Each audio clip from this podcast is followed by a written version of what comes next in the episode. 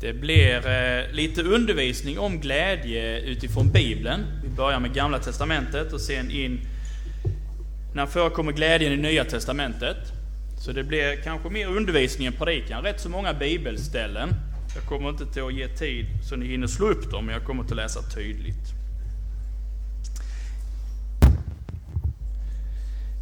Jesus, vi tackar dig att vi får sitta här nu tillsammans med varandra. Och att vi också får veta och tro och vara övertygad om att du också är här, mitt ibland oss. Att du är densamme igår och idag och i all evighet. Tack Jesus att du är en god Gud, att du är full av frälsning och nåd. Vi tackar dig att vi får veta att du har goda tankar med oss. Att du vill sluta oss i din famn. Och Jesus, vi ber för den här stunden, vi ber om din heliga Ande. Kom heliga Ande och föd en äkta glädje till Jesus i var och en av oss. Ta du hand om den här stunden Jesus, låt din vilja ske. Och låt du dig själv bli tydlig. I Jesu namn. Amen. Jesus glädje. Jag funderade lite först på att kanske enbart utgå från Jesus. För det är ju glädjen kring Jesus och som är kopplad till Jesus. Men jag tror vi tar det i ett ännu större perspektiv. Att vi börjar och bara sveper igenom Bibeln. Så frågan blir, vad säger Bibeln om glädje och den glädjen som är kopplad till Gud och till Jesus? Vi har kanske olika... Vi har läst Bibeln olika mycket, olika länge. Så är det ju. Men när vi läser Bibeln så förstår vi att det står väldigt ofta om glädje och om fröjd och om jubel. Glädje kanske man kan säga på ett sätt, fröjd och jubel kanske inte ni yngre använder så ofta. Men jag hoppas ni vet vad det betyder. Glädje, fröjd och jubel, det står väldigt ofta i Bibeln, både i Gamla Testamentet och Nya Testamentet. Och när det gäller relationen till Gud, så verkar glädjen vara det som är själva navet eller centrum. Glädjen är liksom grunddraget i relationen till Gud. När människor lever i gudsgemenskapen så är glädjen där på ett påtagligt sätt. Det tar sig ibland uttryck i fröjd och ibland i jubel. Och Bibelns budskap, alltså Bibeln har ju ett budskap till oss människor och det budskapet kan sammanfattas i en enorm glädje, ett glädjens budskap. Och en glädje som hör till Guds värld. Och som hör till Guds rike, eller himmelriket. Alltså Guds rike uttrycks lite olika i Bibeln beroende på vad man läser. Guds rike eller himmelriket eller Guds härlighetsrike eller vad det kan vara. Det är den glädjen det handlar om. Inte riktigt exakt som kanske det vi först tänker som människor som har med glädje att göra. Jakob eh, hade ju några nyanser av glädje där. Man får väldigt mycket pengar reagerar men jag tänkte att man hade kanske svimmat rakt bakåt. Kan det också vara. Sen kanske inte man tänker, oh vad glad han är, han svimmar precis. Men det kan ju uttrycka sig på många olika sätt. Men den glädjen vi pratar om nu, det har med Guds värld att göra, med Gud själv att göra och med Guds rike att göra. Paulus skriver i första Timoteus 6, 15-16 så här. Han, alltså Jesus, den salige ende härskaren, konungarnas konung, herrarnas herre, som ensam är odödlig och bor i ett ljus dit ingen kan komma och som ingen människa har sett eller kan se. Honom tillhör ära och evig makt. Amen. Det är rätt så pampigt. Den salige ende härskaren, konungarnas konung, herrarnas herre. Ensam är odödlig. Det är den guden som den här glädjen är kopplad till. Vi kommer mer in på det. När vi läser vår bibel så kommer det också ett begrepp som är salig. En del av er som har en lite enklare översättning, bibelöversättning, så står det kanske lycklig istället. Lycklig är lite eh, förvekt kan jag tycka. Salig är ännu mycket mer laddat. När det står salig i Bibelns värld så handlar det om den gudomliga himmelska och fullkomliga lyckan och glädjen. Alltså du har en lycka och en glädje som inte är kopplad till det som vi står i just nu. En glädje som har att göra med de eviga tingen, alltså med Gud själv. Jesus tilltalar de människor som lever i tro på honom, som lever i relationen med honom, som saliga. Alltså ni som är, som tillhör mig, ni som är döpta och tror, ni är redan nu på ett sätt saliga, betecknas som saliga. För ni har fått del i den eviga glädjen, den fullkomliga glädjen som tillhör Guds rike, som är i Guds rike. Ni har fått del i den till viss del. Inte maxat va? Det är det vi väntar på längre fram. Men ni har redan fått smaka och se att Herren är god. Och det fyller oss människor med en salighet. Alltså vi har fått en, en smak av det som ska komma. Kanske inte så många av er som lagar mat, men när man lagar mat så får man ju provsmaka lite innan man bjuder. Då får man en liten försmak av det man ska äta sen. Så kanske man, ah, känner man, det ska bli trevligt att äta. Gamla testamentet så börjar det med glädje i skapelsens början. Alltså när Gud skapar världen och människan så är det fyllt av glädje. Gud ser på det, han tycker det är gott, det är fantastiskt. Det lever i harmoni med Gud och människan lever i harmoni med Gud. Men när människan faller genom synden, syndafallet, så vänder vi också oss bort ifrån den här saliga glädjen den himmelska glädjen. Vi stänger oss för det. Istället så kommer sorg och bekymmer, ångest, det kommer in som en naturlig del i mänskligheten. Och läser man sen vidare i Gamla Testamentet, för det som står, det var ju bara de första bladen jag nämnde nu. Läser man sen vidare i hela GT här, så märker man att glädjen förekommer ändå, då och då. Och den glädjen förekommer när människan lever i gemenskap med Gud. Guds folk i Gamla Testamentet lever ju mer eller mindre, nu och då, tillsammans med Gud. Och när de lever i en äkta relation med Gud så är också glädjen den naturliga, eller den naturliga ingrediensen i Gudsrelationen. I Nehemja 8 och 10 så är det så här att man har kommit tillbaks från Babel i fångenskap. Och man eh, har hittat Guds ord igen. Man har hittat bokrullarna. Och så börjar man läsa. Och det man läser då från Gamla Testamentet, det träffar dem. Va? De känner sig ledsna för de inser att vi har ju inte levt så Gud som du hade tänkt. Och så får, börjar de gråta. De blir förkrossade som det står. Va? Så de blir helt eh, slagna till marken, uppgivna. Och så får prästerna då säga till dem så här att gå iväg och ät er bästa mat och drick ert sötaste vin och sen gåvor av detta till dem som inte har något färdigt. Ty denna dag är helig för vår Gud. Var inte bedrövade, ty glädje i Herren är er starkhet.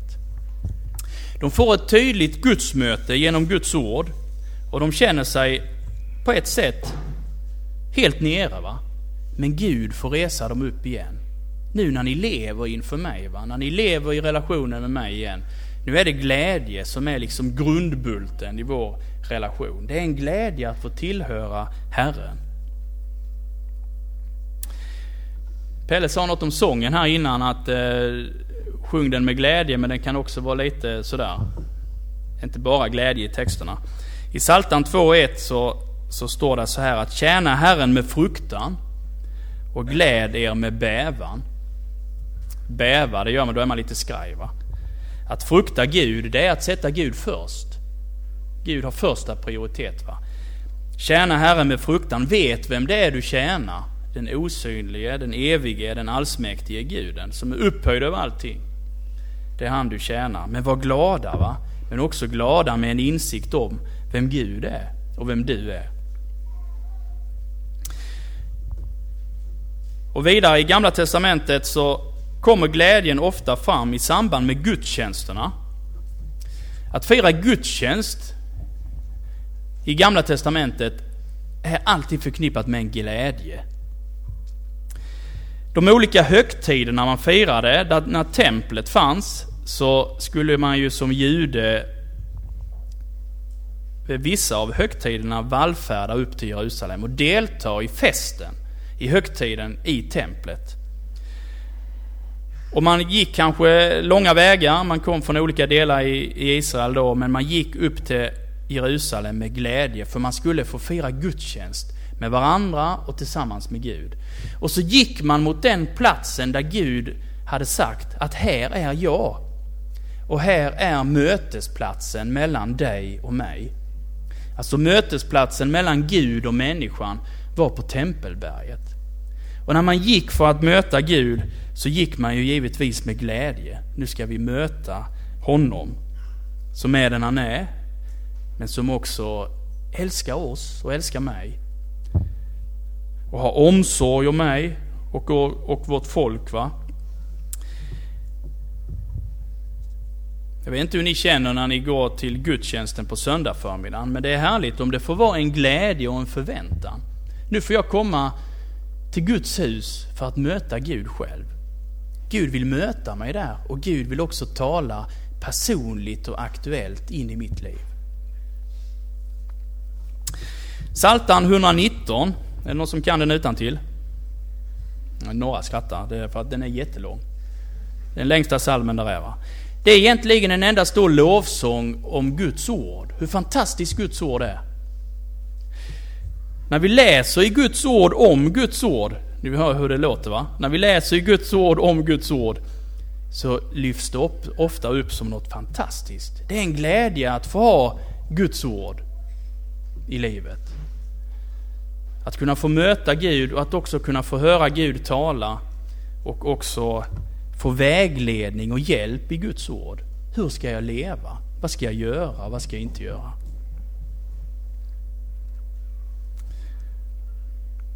Bibelns första lovsång, är det någon som har någon aning när den kommer? Du vågar inte fråga de som går bibelskolan för de glömmer så snabbt, säger de som jag har som ungdomsledare. Man kommer inte ihåg det. Bibelns första lovsång är vid Röda havet på andra sidan. När Gud har öppnat havet och räddat sitt folk på ett fantastiskt sätt. Och så stämmer man upp en lovsång på andra sidan och tackar Gud för det som han har gjort och för den han är. Läser man sen i psalmerna vidare så handlar det också mycket om frälsningen, om syndernas förlåtelse, att få vara Guds barn, att få vara i, ett, i en rätt relation till Gud. Att inte vara Guds fiende. Så beskriver ju Bibeln människan som lever oförsonad med Gud, som lever utan Gud. Utan får komma in i en vänskapsrelation med Herren. Att få sina synder förlåtna. Sen är ju också en viktig del i Gamla Testamentet, det har ju att göra med att Gud har lovat att sända sin Messias. Gud har lovat att rädda sitt folk. Och från början tror jag man var medveten om att det gällde inte bara det judiska folket, utan det gällde hela världen. Va?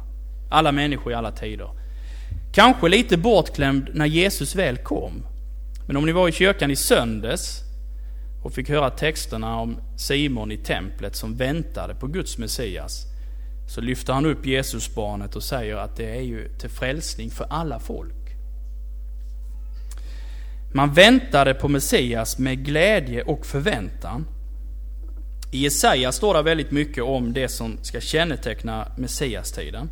Jag ska läsa några, några verser från Jesaja 40 och några från Jesaja 52. Det står så här.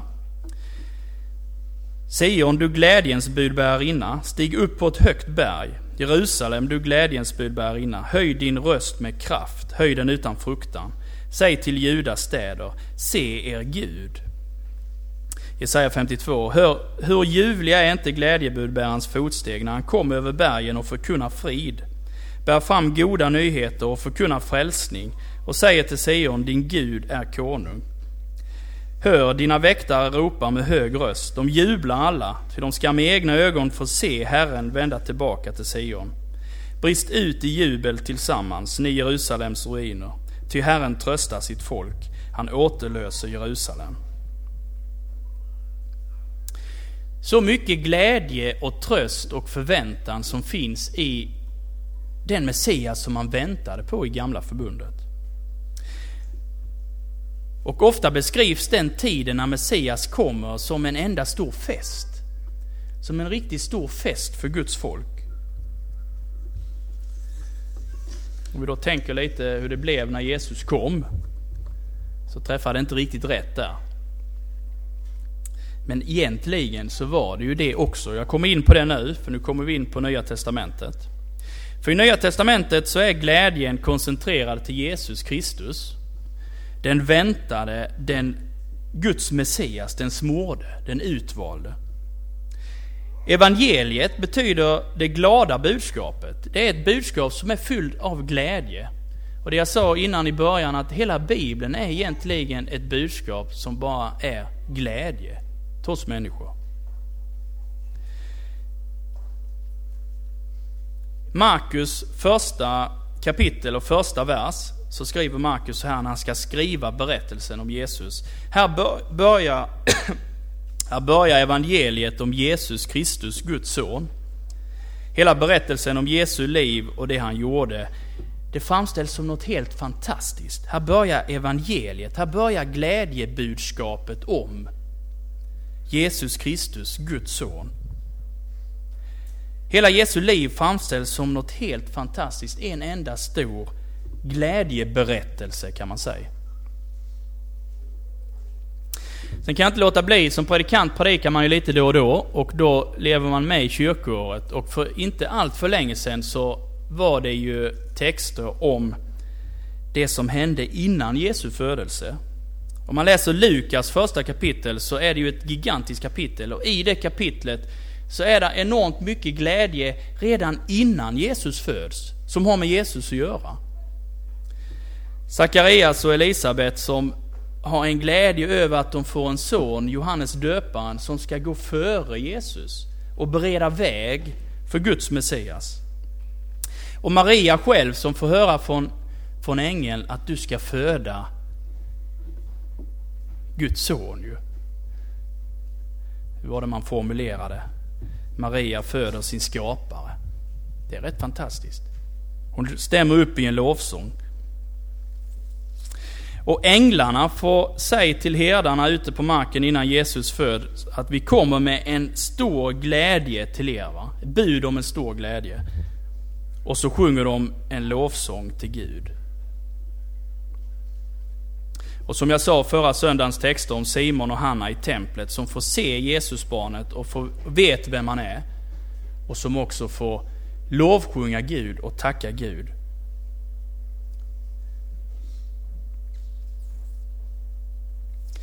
Vad säger då Jesus själv om glädje? I Lukas 4 så läser han eh, några verser från Jesajas och så tillämpar han dem på sig själv. Han läser några verser och så säger han nu när jag har läst det här så har det uppfyllts. Alltså de verserna jag har läst, det handlar om mig. Det är egentligen jag. Och i den ena, ena meningen där så är det så här att Herrens ande är över mig, ty han har smort mig till att predika glädjens budskap för de fattiga. Gud har sänt Jesus till denna världen för att predika ett glädjens budskap, eller evangelium, för de fattiga. För de behövande, de som behöver.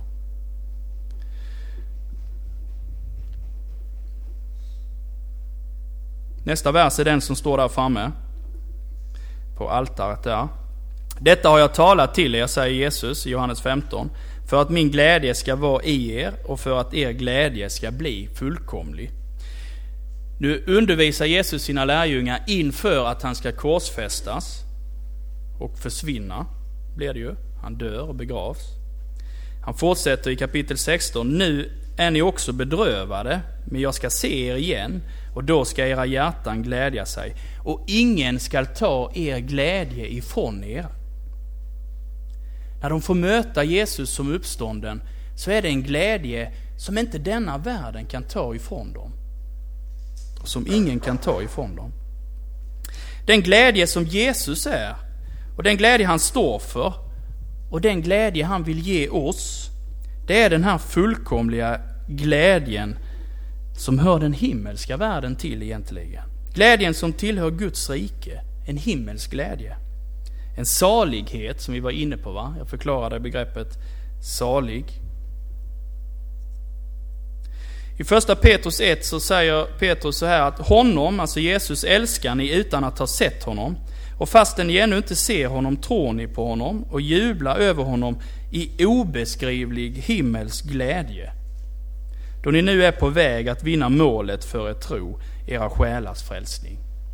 Redan här i tiden så kan en kristen få jubla i obeskrivlig himmelsk glädje över att få tillhöra Jesus.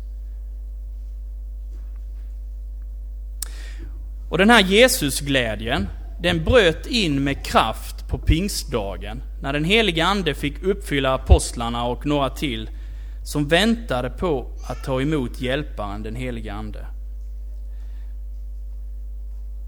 Och så fick det bli en, liksom en försmak, en, eh, en liten smakbit av det som ska komma sen för en kristen. Den helige Ande förmedlade en omedelbar gudsgemenskap och en visshet om att de var frälsta, att de tillhörde Herren, att de var Guds barn.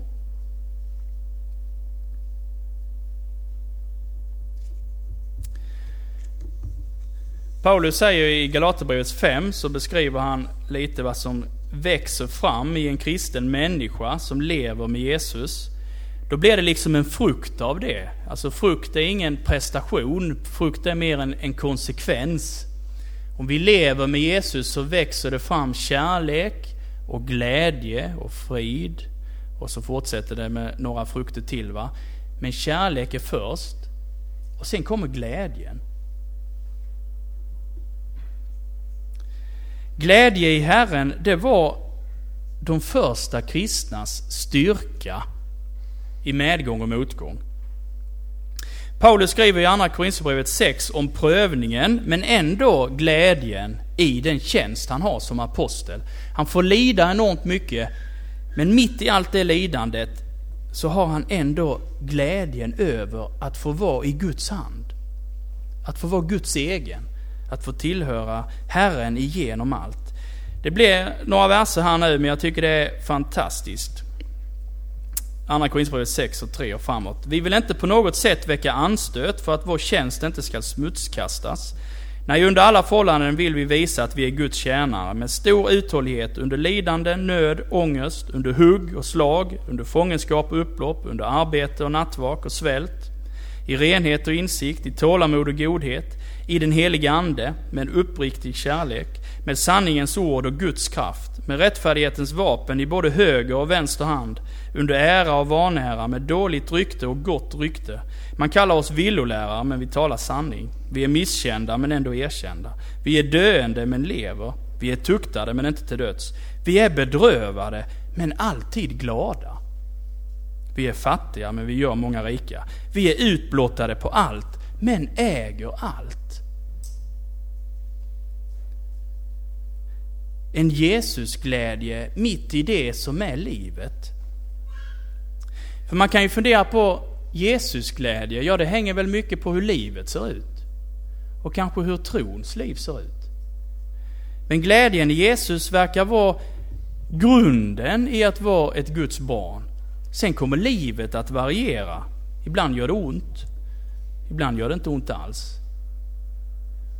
Men i gemenskapen med Jesus så finns det en salig glädje, en himmelsk glädje som inte är kopplat till mitt liv och denna världen. En glädje över att Gud är den han är och att jag får vara hans egen.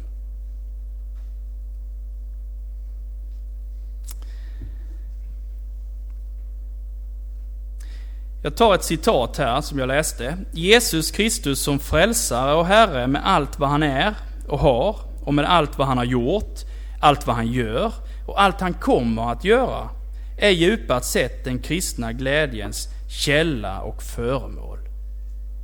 Jag läser det igen om vi tänker på Jesus glädje. Jesus Kristus som frälsare och som Herre med allt vad han är och har och med allt vad han har gjort, gör och kommer att göra är djupast sett den kristna glädjens källa och föremål.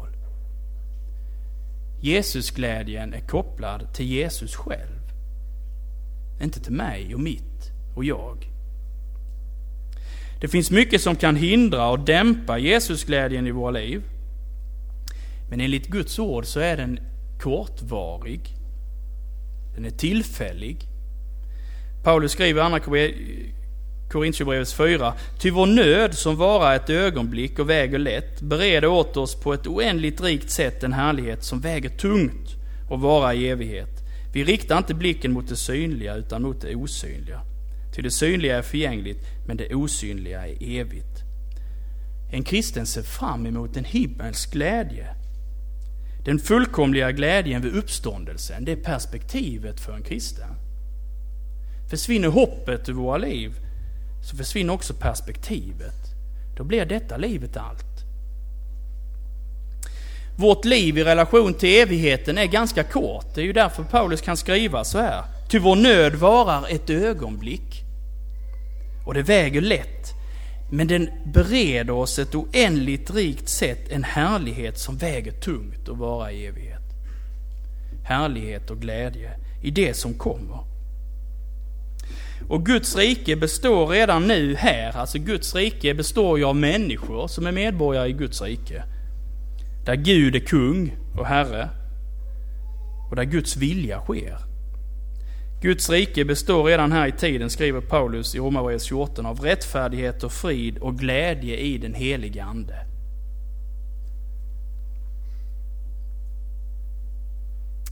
En Jesusglädje som den helige Ande vill ge oss Jesusglädje som är en gåva till oss människor. En Jesusglädje som Gud själv kan få öppna våra ögon och vårt hjärta så att vi ser och kan ta emot. Sen vill jag sluta med perspektivet som vi är inne på nu.